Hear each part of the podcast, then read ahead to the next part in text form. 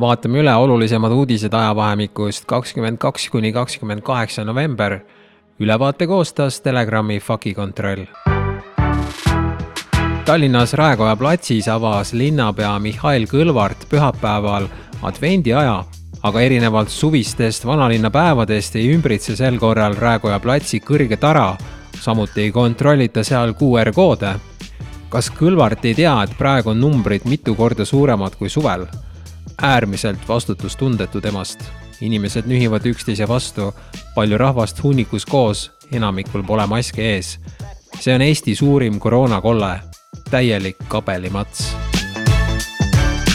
väga ohtliku sõnavõtuga paistis silma ka Postimehe arvamustoimetuse juhataja Martin Ehala, kes avaldas laupäeval essee vööriga lainele vastu Ehala leidis, et koroona teemal on hirmu õhutamisega mindud selgelt liiga kaugele, et koroonapiirangud on ohuga võrreldes ebaproportsionaalsed ning et vaktsineerimata inimeste demoniseerimine on mitte ainult vale, vaid ka ohtlik.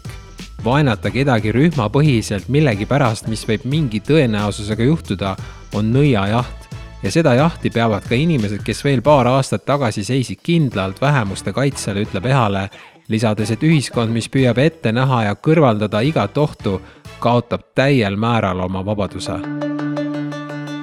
maailmas on vastutustundetu käitumise poolest esirinnas Florida kuberner Ron DeSantis, kes kirjutas alla seadusele vabaduse kaitseks.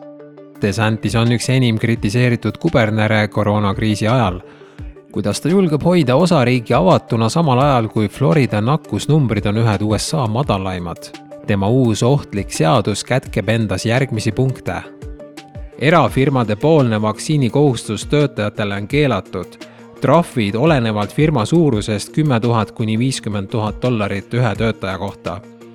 valitsusasutused ei tohi nõuda töötajatelt vaktsineerimist. Haridusasutused ei tohi nõuda õpilastelt vaktsineerimist, koolides on näomaskid keelatud, koolid ei tohi terveid õpilasi karantiini panna õpilased ja vanemad võivad koole rikkumise eest kohtusse kaevata, pluss kulud ja advokaaditasud koolilt sisse nõuda. milline ketserlus, keegi peaks DeSantise saatma Austriasse eeskuju õppima. kümme protsenti rahvastikust protestis Graasi linnas, kui üle-eelmisel laupäeval protestis terve Austria peale kokku üle saja tuhande inimese siis eelmisel laupäeval tuli riigi suuruselt teises linnas tänavatele kolmkümmend tuhat inimest, mis moodustab ligi kolmesaja tuhande elanikuga linna rahvastikust tervelt kümme protsenti. rahvas on nimelt pahane, sest Austria valitsus plaanib esimese riigina Euroopas teha koroonavaktsiini kohustuslikuks kõigile vaktsiiniealistele alates esimesest veebruarist kaks tuhat kakskümmend kaks. lubadusega trahvida keeldujaid kolme tuhande kuuesaja euroga ning tõhustusdoosist keeldujaid tuhande viiesaja euroga vaktsineerimata inimesed on aga oma kodus vangid tähtajatult. Nad tohivad käia vaid tööl, koolis ja toidupoes. kulla inimesed, kas te ei saa aru, et see kõik on ainult teie endi turvalisuse huvides, et kaitsta teid haiguse eest, mille põdejatest üheksakümmend üheksa koma üheksa protsenti saavad terveks? arst Saksa riigitelevisioonis. väga paljud vaktsineeritud inimesed haigestuvad kahekümne kolmandal novembril kaks tuhat kakskümmend üks sai Põhja-Saksamaa regionaalringhäälingus NDR sõna doktor Jens Peter Kail, kes teatas, et vaktsineeritud inimesed haigestuvad aina enam ja viibivad ka haiglates oluliselt kauem. väga piinlik, kas keegi unustas doktor Kailile mainida, et sellistest asjadest avalikult ei räägita? või kui räägid, siis vähemalt ütle, et sellest kõigest päästab kolmas süst Eestis pälvis rahva suurt poolehoidu Varro Vooglaiu üleskutse toetada Memm kohvikut ja Elvis Brouerit. Vooglaid kutsus inimesi annetama raha apartheid-režiimi hammasrataste vahele jäänud Memm Cafe ja selle eestvedaja Elvis Broueri õigusabikulude katteks see, kui palju inimesi siin on käinud ja meile naeratavate nägudega otsa vaadanud ja jõudu andnud, et seda on tunda, teie väge on tunda. meie kohus on mitte jätta neid hädas üksi, vaid minna neile appi see on tegelik solidaarsus, mida peame nüüd üles näitama, ütles Vooglaid. reedeks kogutigi kokku üle viiekümne tuhande euro. hetkel on Eestis sundvaktsineerimispassi vastu ainult kolm ettevõtet, lisaks Memm kohvikule ka spordiklubi Sparta ja Corsa Gym.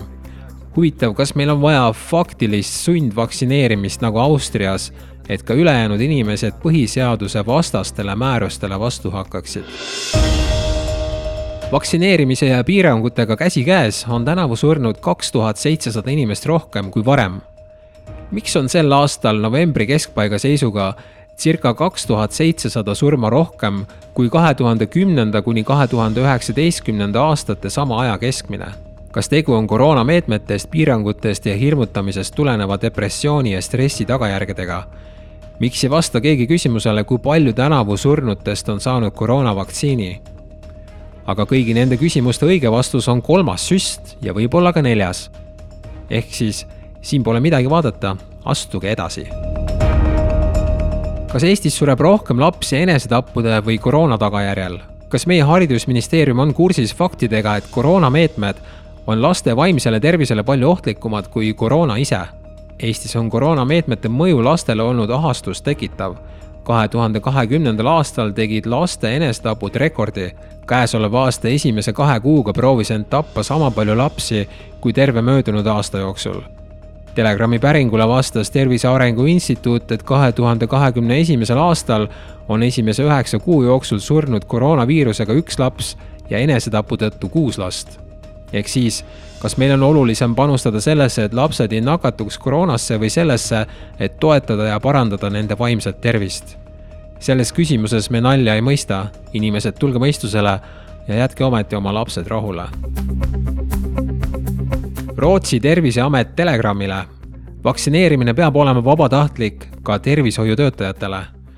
kuigi Eestis ei ole Telegram ei valitsuse ega Terviseameti pressikonverentsil osalemiseks luba saanud, olime Rootsi kuningriigi ametkonna pressikale lahkesti oodatud selgus, et Rootsis pole siiani sundvaktsineerimisi läbi viidud ja seda isegi mitte tervishoiutöötajate hulgas. samuti ei näe nad maski kandmise nõudele erilist mõtet, kuna teadus seda ei toetavat kas Rootsi Rahvatervise Agentuuri juhtivspetsialisti Sarah Bufforsi, kes Telegrami küsimustele vastas, peaks koos Florida DeSantisega saatma Austria valitsuse juurde range koroonarežiimi koolitustele, sest nagu Floridas, nii on ka Rootsis nakkusnumbrid ja koroonasurmad väga madalal. on aeg pandeemia narratiivile uuesti hoog sisse lükata ning piirangute ja hirmutamisega kaasneva stressiga taas numbrid taevani tõsta ja lõpetuseks Austraalia vabakutseline ajakirjanik John Le Bon. BCP vaktsiiniga steriliseeritakse hobuseid. kas koroonavaktsiiniga inimesi? Hobuste peal kasutatakse vaktsiine, mille eesmärk on takistada neil järelkasvu saamist. mõned uurijad on avastanud šokeerivaid sarnasusi hobuste peal kasutatavate BCP vaktsiinide ja inimestele süstitavate koroonavaktsiinide vahel. This is birth control for horses Volunteers dart PZP or immunocontraception. Advocates say it's the more humane and cheaper alternative to roundups by the Bureau of Land Management. PCP-d kasutatakse nii, et kahe kuni kuue nädalase vahega saab loom kaks süsti ning pärast seda iga kaheksa kuni kaheteist kuu tagant regulaarseid tõhustussüste. nii nagu koroonavaktsiinide puhulgi. muide, kas teadsid, et Pfizeri tegevjuht Albert Bourla on hariduselt veterinaar kellel on doktorikraad paljunemise biotehnoloogias. Kokkuvõtteks võib öelda, et viiruse uus tüvi levib ainult uudistes ja vaktsineeritud inimeste seas. senikaua, kuni massid, sealhulgas ka enda arust ärkvel massid ei teadvusta reaalsust, et viirus ei levigi inimeste vahel, vaid tekib rakusiseselt, ei jäägi üle muud, kui tegeleda ainult aiaauguga Need olid Telegrami fakikontrolli uudised möödunud nädalast. tule kapist välja ka sina, me kõik teame, et see on hauks